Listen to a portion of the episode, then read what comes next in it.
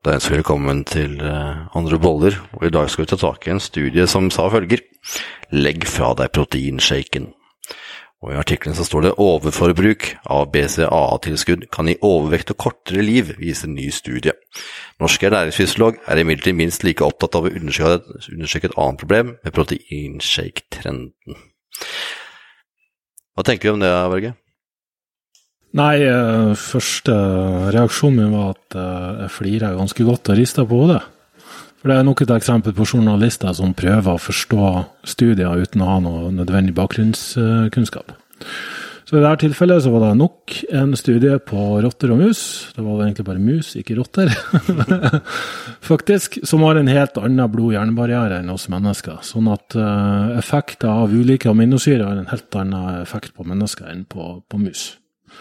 Um, nummer to, de så på de tre isolerte aminosyrene uh, leusin, isoleusin og valin, som er nært knytta opp mot um, ja, en muskelbyggende eller anabol mekanisme i kroppen, som heter mTOR. Uh, den mekanismen, når den aktiveres, kan ha positive effekter, men bør også deaktiveres, som mange gjør da med faste og sånne typer strategier. Og så til slutt da, så er det jo sånn at når du tar isolerte aminosyre, så vil det ha en helt annen effekt enn når du tar et komplett protein. Så syntetisk isolerte aminosyre i en relativt høy dose kan ikke sidestilles med når du får de samme aminosyrene fra en komplett proteinkilde, som da en proteinshake som regel er. Har flere tanker om det, Stian? Jeg tror jeg faktisk uh, Børge dekte absolutt alt. ja, nei, godt sagt. Det er uh, absolutt. I forrige episode Børge, så snakka vi om det med HST og program osv. Og, mm. og sesong to handler jo veldig mye om det med trening. Mm. Så jeg tenkte Stian kunne starte litt ut med hva du tenker om trening og best treningsmetode. Med hensyn til HST? Ja, Eller hensyn til trening og hvordan komme seg best mulig i form nå på samraller. Mus muskelbygging, styrke Ja. Um, ja, altså Nummer én, det kommer veldig an på fra person til person. Jeg, eh, når jeg starta å trene da jeg var 14 år, så begynte jeg å lese alt jeg kunne om uh, Kunne få tak i av bøker. Uh, og alle trente jo sånn rundt tre sett med ti til tolv repetisjoner. Um, og så husker jeg jeg leste Ove Rytter sin Effektiv Bodybuilding, og han hadde også det. Og han gikk til og med opp til fire sett per øvelse, og noen ganger så trente han hver muskelgruppe to ganger i uka. Så husker jeg jeg kom over uh, The Encyclopedia of Modern Bodybuilding av Arnold Schwarzenegger, og han kjørte enda flere sett. Yeah. og da tenkte jeg at ok, mer er bedre. Hvis tre fungerer, da må jo fire fungere, og hvis fire sett fungerer, så må jo fem være bedre. Eh, og det det endte med, det var at jeg fikk en helt grei framgang på rundt tre sett, men når jeg økte, når jeg økte til over tre sett, eh, så blei jeg rett og slett bare tynnere og tynnere og mer og mer sliten. Og jeg, eh, jeg gikk faktisk ned i vekt selv om jeg spiste mer. Så det er min egen erfaring. Og da kom jeg over noe som het Heavy Duty Training av Mike Menser, som går ut på det å bare kjøre ett sett til failure. Det forandra treninga mi, eller framgangen min, helt totalt. Eh, da gikk jeg opp nesten ti kilo muskelmasse på et år. Uten noe form for prestasjonsfremmende midler. Altså prestasjonsfremmende midler, proteinpulver og kreatin er jo prestasjonsfremmende midler, det òg, men i hvert fall ikke noe, ikke noe hormoner. Uh, og det, det, er det jeg har basert mye av min personlige jeg håper å si treningskarriere både for min egen del, men også da for klienter opp igjennom. Jeg har ligget på rundt ett til to sett. For de aller fleste så føler jeg at ett sett blir litt for lite i praksis. Eh, så to sett per øvelse, en tre-fire øvelser per muskelgruppe. Ehm, men for noen mennesker så kan det bli litt for mye å kjøre kanskje åtte til ti sett per gang, og da kan det være gunstig å heller kjøre kanskje fire til seks sett per muskelgruppe to ganger i uka. Men det fungerer også å kjøre sånn som HST, Hypertrophy Specific Training, eller sånn som da Børge har, har eh, kjørt sitt opplegg, at du kjører hele kroppen tre dager i uka. Det også, har også, jeg, jeg, har gjort alt, jeg har kjørt de forskjellige tinga på forskjellige klienter. Um, og det blir litt sånn som kosthold. Uh, du må faktisk finne ut hva som fungerer best for deg. Så det er liksom noen generelle rammer, men noen de kan få eksepsjonell muskeltilvekst på bare fire sett bicepskull én gang i uka. Andre kan, det er ikke mange, men noen få må nesten omtrent helt opp i 20 sett med bicepsøvelser per uke før de får den muskelen til å vokse. Så det kommer veldig an på, og selvfølgelig også om du passer på å spise overskuddskalorier eller underskuddskalorier. Så, men Ja, så hvis du, altså hvis du spiser La oss si du har, og det her er jo også det her med kalorier er litt sånn Men la oss si du skal ha gjennomsnittlig 2800 kalorier. La oss si du skal ha det. Eh, så må du, for å da få en muskeltilvekst, så må du øke kaloriene. Så du må spise mer kalorier enn du forbruker. Og, hvis, og det veldig mange gjør, altså de aller fleste de starter med å trene med vekter, og så kommer kostholdet litt seinere, hvis det i det hele tatt kommer i det hele tatt. Um, og nummer én er jo da riktig diett, men det er det her med å spise mer enn du da forbruker. Det er viktig. Eh, så for å, få, for å, klare å bygge muskelmasse Nå snakker vi ikke om maksimal styrketrening. Du kan bli nevrologisk sett sterkere uten å bygge et større muskeltverrsnitt på eh, relativt lave kalorier. Men når du skal øke muskeltverrsnittet, så må du innta flere kalorier enn du forbruker. Det er kanskje litt sånn utfordring for veldig mange. Da, utfordring livsstil og hvordan de trener. Kanskje de tror at de på en måte beveger seg kanskje mer enn de gjør, og vice versa. Mm, mm. Hva er det der? Ja, jeg vil jo eh, liksom bygge litt på det. For um, det er mange som kanskje også tenker at det kalorioverskuddet kun skal komme fra maten du spiser. Men klart, er du veldig overvektig, så har du masse lagra kalorier som du kan bruke. Så derfor kan overvektige de kan bygge muskler sjøl om de går på diett, kaloriunderskudd. Eh, og spesielt i starten av en treningskarriere når du har veldig høyt potensial for muskelvekst. der Muskelceller har uh, evnen til å vokse nesten helt uten næring. De kan faktisk tære på um, omkringliggende muskulatur for å få næring. Det er veldig sånn uh, bastant prosess i kroppen her, liksom, fordi den er egentlig ganske viktig. Uh, så, så, nybegynnere som er overvektige, kan spise nesten ingenting, og allikevel bygge like hurtig muskelmasse som, som om de spiste kalorioverskudd. Men etter de første seks til ni måneder med trening, så lenge du har trent effektivt, har du normal fettprosent, jo mer viktig blir det at du faktisk tilfører kalorier fra maten også. Vi kommer til å gå litt mer inn på det med mat etterpå, men litt sånn rent nysgjerrig. Hva er det man anbefaler ha sånne pauser og sånn på treningssett og den type ting? Jeg liker ikke å ha pauser, men er det et must å ha pauser, eller hvordan er det der? Jeg går litt i to retninger der. Um, på den ene sida så, så, ser du at um, Pauser på minimum to til tre minutter ser ut til å være nødvendig for å få um, utført nok arbeid. Altså å få eh, Det kan se ut som det er både liksom at, at, for mye metabolsk stress da, med korte pauser kan begrense hvor, um, hvor, mye du klarer å aktivere en muskel, og dermed utsette den for liksom, den nødvendige mekaniske spenninga. Um, men vi har jo også forskning på, på liksom dropsett og sånn rest pause-trening som myorep, uh, som viser at det i sin tur øker muskelaktiveringa under en kort periode. Um, så det er nok en avveining ved at ved å bruke sånn intens intensiverende teknikker med korte pauser, eh, enten det at du tar av vekt for hvert sett, eller du bruker samme vekt, og så kjører en utmattelsespunktet hele tida, så kan du få en veldig, en veldig kraftig treningsstimulans på kort tid. Men det er veldig fort at den overdrives. Så her er trening som tar litt lengre tid å, å restituere seg fra, nettopp fordi det metabolske stresset, da, at, det brenner og svir så mye, er så restitusjonskrevende. Uh, men, men, normalt sett så snakker vi om uh, den type trening som jeg nevnte her, da, i forhold til ja, si to sett per øvelse, og du har to til fire øvelser og du har ei treningsøkt med mellom fire til åtte sett per muskelgruppe, så, så, vil jeg nok si at å ha en to til tre minutter mellom hver sett på den muskelgruppa er veldig lurt. Og for å spare tid, da, så kan du heller kjøre motstående muskelgruppe. Bare Ja, for det er greit. Motstående muskelgruppe muskelgrupper er greit hvis man ikke er så veldig glad i pauser. Så er det på en måte det en løsning. Ja, bare vær litt forsiktig med å gjøre styrke- og muskelbyggende trening til en kondisjonsøkt. Fordi da blander du stimulanser. Kroppen er ikke veldig god til å gjøre to ting på en gang.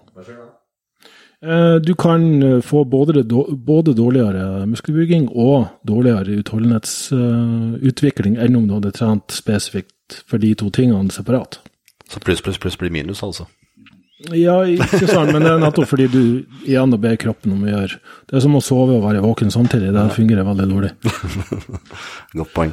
I forhold til det med å spise nok, og det at man kan starte Starter man liksom overvektig, da, så trenger man ikke være så veldig opptatt av dietten, for at man bygger muskulatur likevel.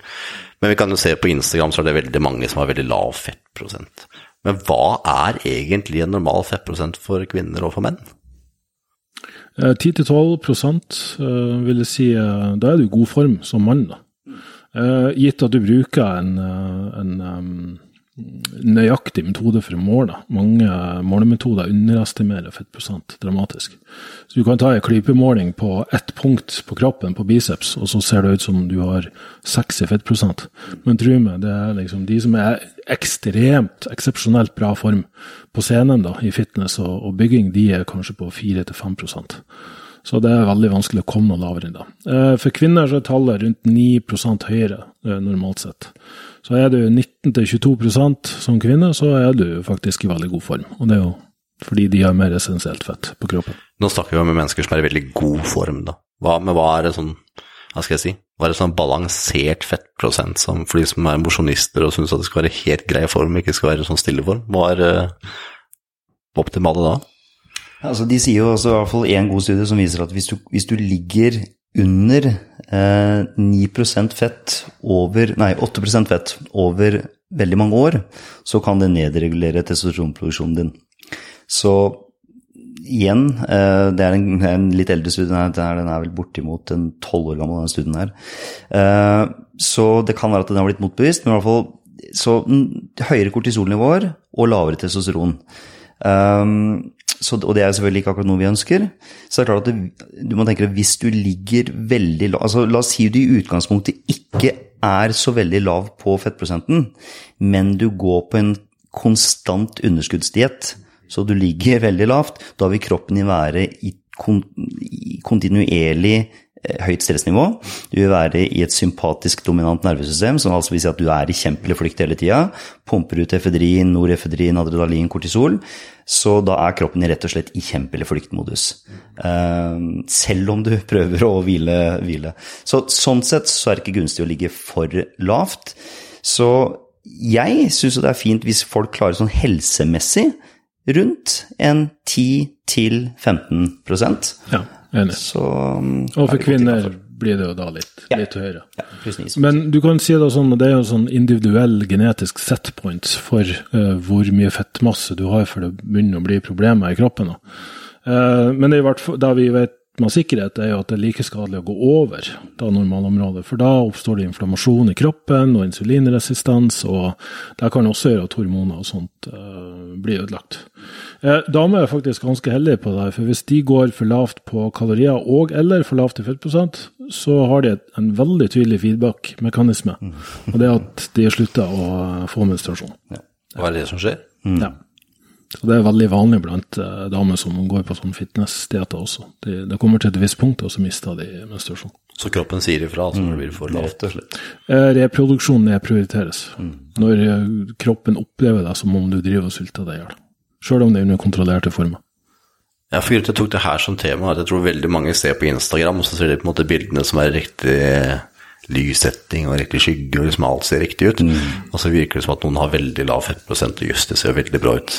ja. Og så vet du ikke at man har stått og spent, og man har måtte gjort alle ting for å se mest mulig riktig ut. da. Mm. Og så går man og føler på at man er liksom ikke i god nok form. Derfor var jeg litt nysgjerrig på hva er egentlig det Men det er jo veldig forskjellig fra person til person og hvor legger man fett, og noen har på en måte ikke Det er veldig forskjellig fra person til hvor fettet legger seg også. Mm. Ja, og så vil jeg jo si at uh, Noen har genetisk uansett. Ta det fra en, eller jeg vil jo kanskje si to her som har vært inne i det fitnessmiljøet. Det å holde en, en så lav fettprosent året rundt som det kan se ut som på Instagram, det er jo ikke alle som gjør det. Blir du betalt for å se sånn ut, så kan du tolerere å gå kronisk sulten i større grad. Men da å klare deg uten noen form for stimulanter eller fettburners eller hormoner, eller til og med stoffskiftemedisin, liksom, det er nesten umulig på sikt. Ja, det er det, ja. Det er det. Og det er litt viktig å huske, da, for vi ser ofte disse bildene hele året. Og tenker at noen ser som ut hele året også, så er det egentlig bare tull. Ja, det er faktisk det. Det er en normal, god fettprosent som du klarer å opprettholde året rundt. Da, da skal du liksom ha energi til å komme deg gjennom treningsøkter, og du skal sove godt, og du skal ha lyst på fruen din, liksom. Mm. Så eventuelt mannen din, alt ettersom. Ja. Jeg har den siste tiden vært veldig på det med faste. Jeg merker at når jeg faster, så får jeg ekstremt mye energi. Og hvis jeg bare spiser kjøtt og salat og noe frukt i tillegg, så har jeg energi hele døgnet. Så nesten ikke trenger søvn. Hva er det som gjør at man får såpass mye energi når man går på faste, og det er ikke noe problem å trene og gjøre andre typer ting? Hva er årsaken til det? Jeg føler ikke jeg er stressa heller, jeg føler jeg på en måte fortsatt like rolig.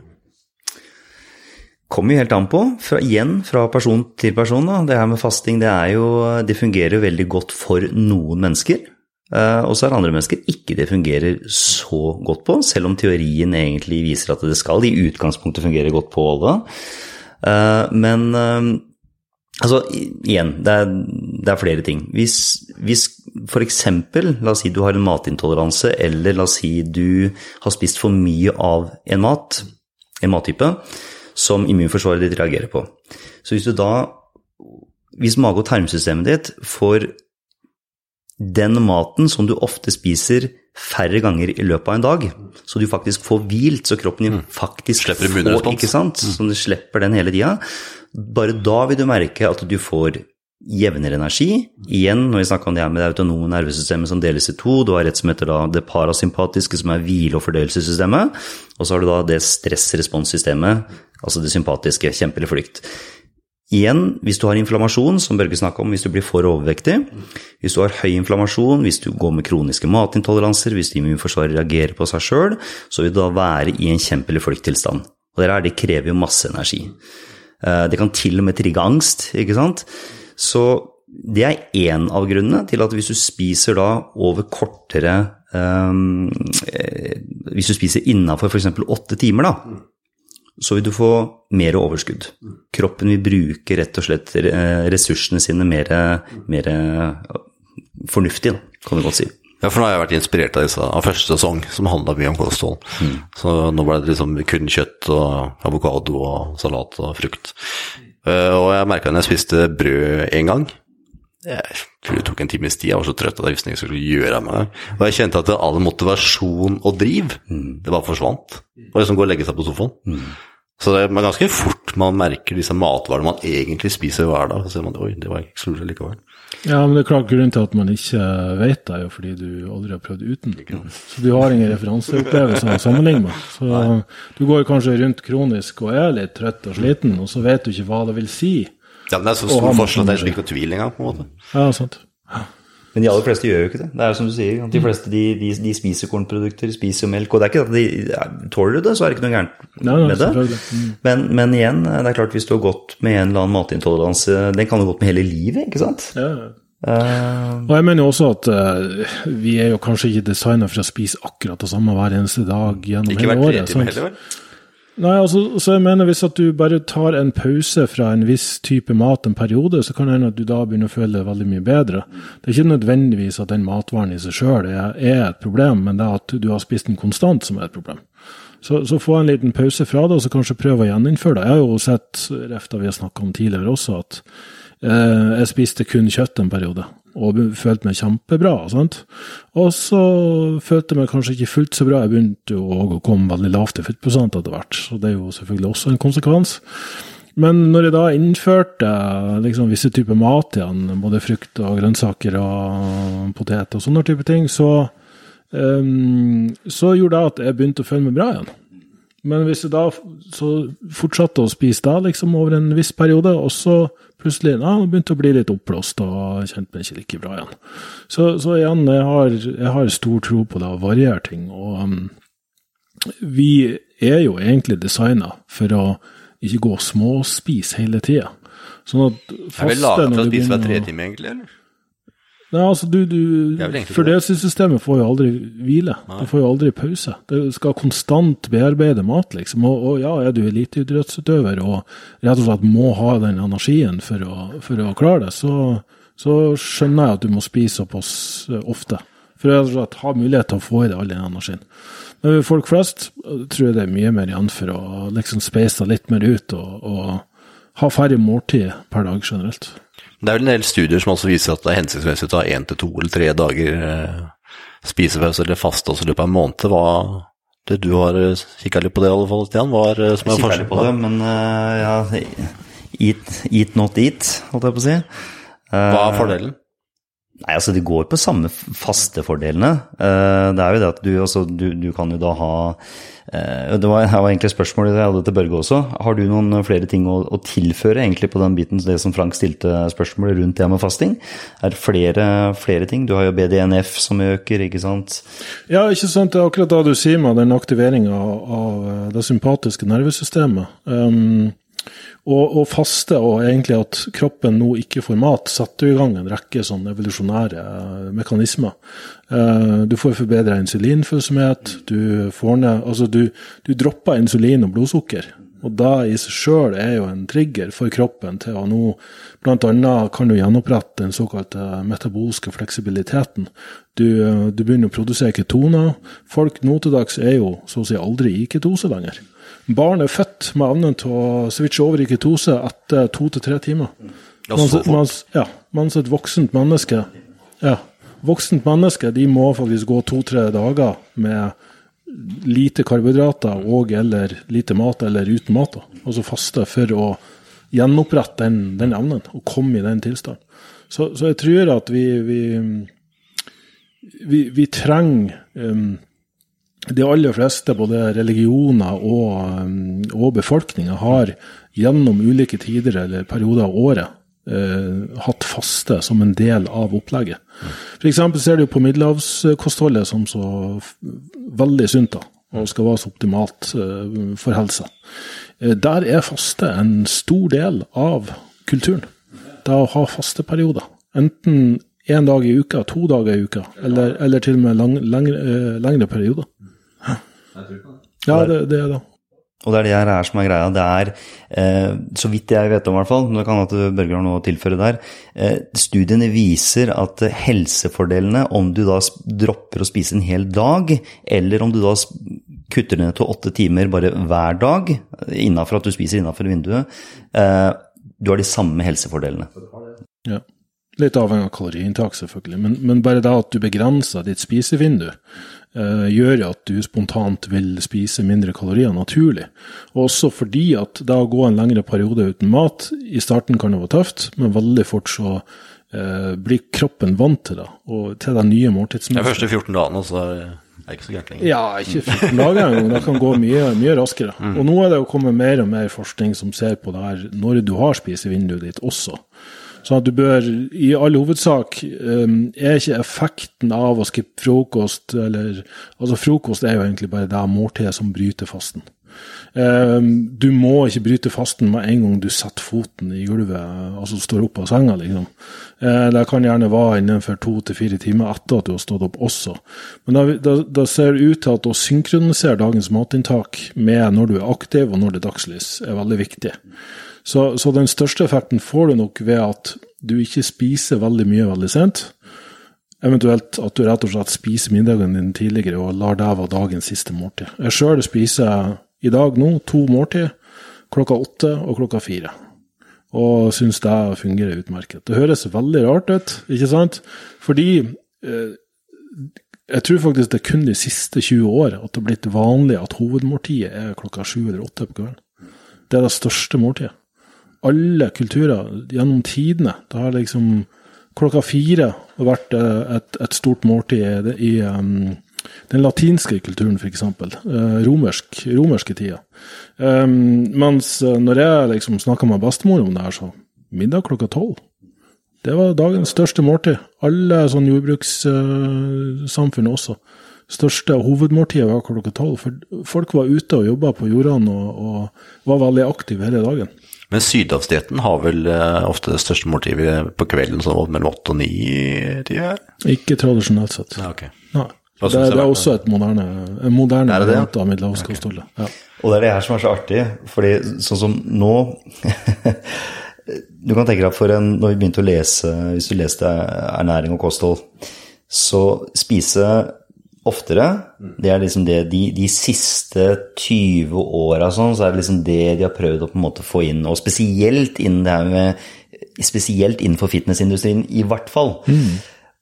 Og hvis jeg coacha noen for fem år siden, så sa jeg fortsatt, fem-seks år siden, så sa jeg fortsatt det spis små måltider flere ganger om dagen. Fra du står opp til du legger deg. Og de som da ikke var flinke til å spise i gåseøynene nå lagde jeg gåseøyne for dere, det, det ser ikke lytteren, eh, så var det den biten det var jo de som liksom var dårlige til å spise. De spiste bare to ganger om dagen. Og nå vet vi så mye igjen. ja, ja. Det er ikke noe problem. Det går i sirkel, liksom. Ikke sant? Det går i sirkel. Ja. Så Nei, men det er som å si, hierarkiet bør starte med matvalg, sant. Og så, og så går det nedover derifra, altså. Så, så nå er det mer populært å ikke spise enn å spise uh, snart. Det er liksom fast, faste som er fravær av mat. Da, da har du clouet, liksom. Men, men alt som kan få folk til å ta bedre matvalg og ta bedre vare på seg sjøl, og så få en sunnere livsstil. Og, og det er derfor jeg igjen bare blir så oppgitt hver gang det kommer studier sånn som på det her, syntetisk BCA til mus. Også den senere tid da der det har vært mye fokus på egg og kolesterol igjen, da. Nå er plutselig det skummelt.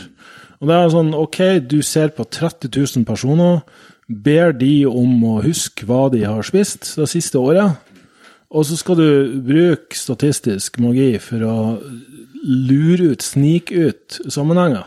Da kan det like gjerne være at de eggspiserne bare har en dårlig livsstil. Så det er sånn, og så er det mye og så var jeg relativ kontra absolutt risiko. Altså det, det, det kommer så mye motstridende um, anbefalinger på mat um, ut fra sånne populasjonsbefolkningsbaserte studier. Det er, ikke, det er ikke kontrollerte studier der ei gruppe spiser det her og ei gruppe gjør det ikke. De prøver å se om det sammenhenger på et sånt enormt utvalg. Og, og bare for å skyte den, den på slutten av, en sånn såkalt metaanalyse som ble gjort bare for jeg tror to eller tre år siden, der hadde de 300 000 eh, deltakere som de så på. Der var det ingen sammenheng mellom egg og hjerte-karsykdom, eller kolesterol. Så litt sånn, hva skal du tro på? Bare fordi det er nytt, er det dermed bedre? Det med, mer Det er en kjempestor utfordring, det med forskningsrapporter, og det viser jo nå at det er veldig mye utfordring med det. da. Ja. Sånn Avslutningsvis vil jeg bare runde av det med trening og faste. For hvordan er det på en måte det med å ha en hard treningsøkt hvis man er i fastetida? Hvordan burde man avbryte faste og spise, eller trene på tom mage, eller hva er best? Ja, ehm, når det gjelder sånn muskelbygging, så kan du argumentere for at det å ha litt protein i systemet ditt, fordi aminosyre er det eneste næringsemnet som ikke lagres uh, i noe annet enn muskler, da, uh, kan være en fordel for liksom, den anabole muskelbyggende prosessen. Uh, og det er mange som argumenterer hardt for det. Men på den andre side, hvis du har spist noe, så må kroppen dirigere energi og blod dit for å fløye, og da har du ikke så mye energi eh, disponibel for musklene dine. Veldig mange opplever at de har mye bedre treningsøkter, de er mer klar i toppen nettopp fordi du, er, du har litt mer adrenalin og sånne ting i, i kroppen din. Eh, så jeg sjøl også opplever å ha eh, veldig gode treningsøkter når det har gått minimum fire timer etter et måltid, at kroppen er ferdig med den der eh, fordøyelsesprosessen.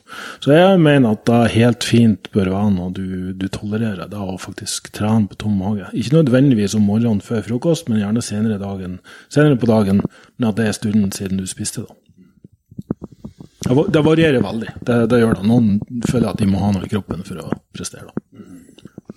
Ja, eh, og igjen, eh, det er det her som er problemet. Jeg har jo merka at jo mer jeg leser, eh, og jo mer jeg forstår, så merker jeg at det er jo Jeg hadde en mye mer dogmatisk formening og tankegang om ting for tre år siden, fem år siden, ti år siden enn det jeg har nå. Eh, Igjen, du er tilbake til det som Børge avslutta med der. Det er veldig individuelt. Min personlige erfaring er at eh, spiser jeg Trener jeg Eller hvis jeg faster, spiser to ganger om dagen, så trener jeg best etter eh, to måltider. Nei, unnskyld, eh, to timer etter det første måltidet. Um, det er det jeg føler at også klientbasen min har fått best resultat på. Men igjen, du har eh, Noen har, føler at de får mer, som Børge også sier. De har mer adrenalin, de har mer altså, Det viser oss at dopaminet kan være høyere, på en måte, hvis du trener på tom mage. Så noen får mer ut av den effekten der, og har da bedre resultat av at de da spiser det første måltidet etterpå. Andre kan vente opptil fire timer, sånn som Børge sier òg. For min del så kjenner jeg da sånn at to timer, det er det de fleste da av, av klientene mine også har rapportert tilbake. At det har gitt best resultat da, av de jeg har satt på fastende diett. Ja, og det, det, kommer også an på hvor mye du har mobilisert for kroppen yes. mens du på en måte faster. da.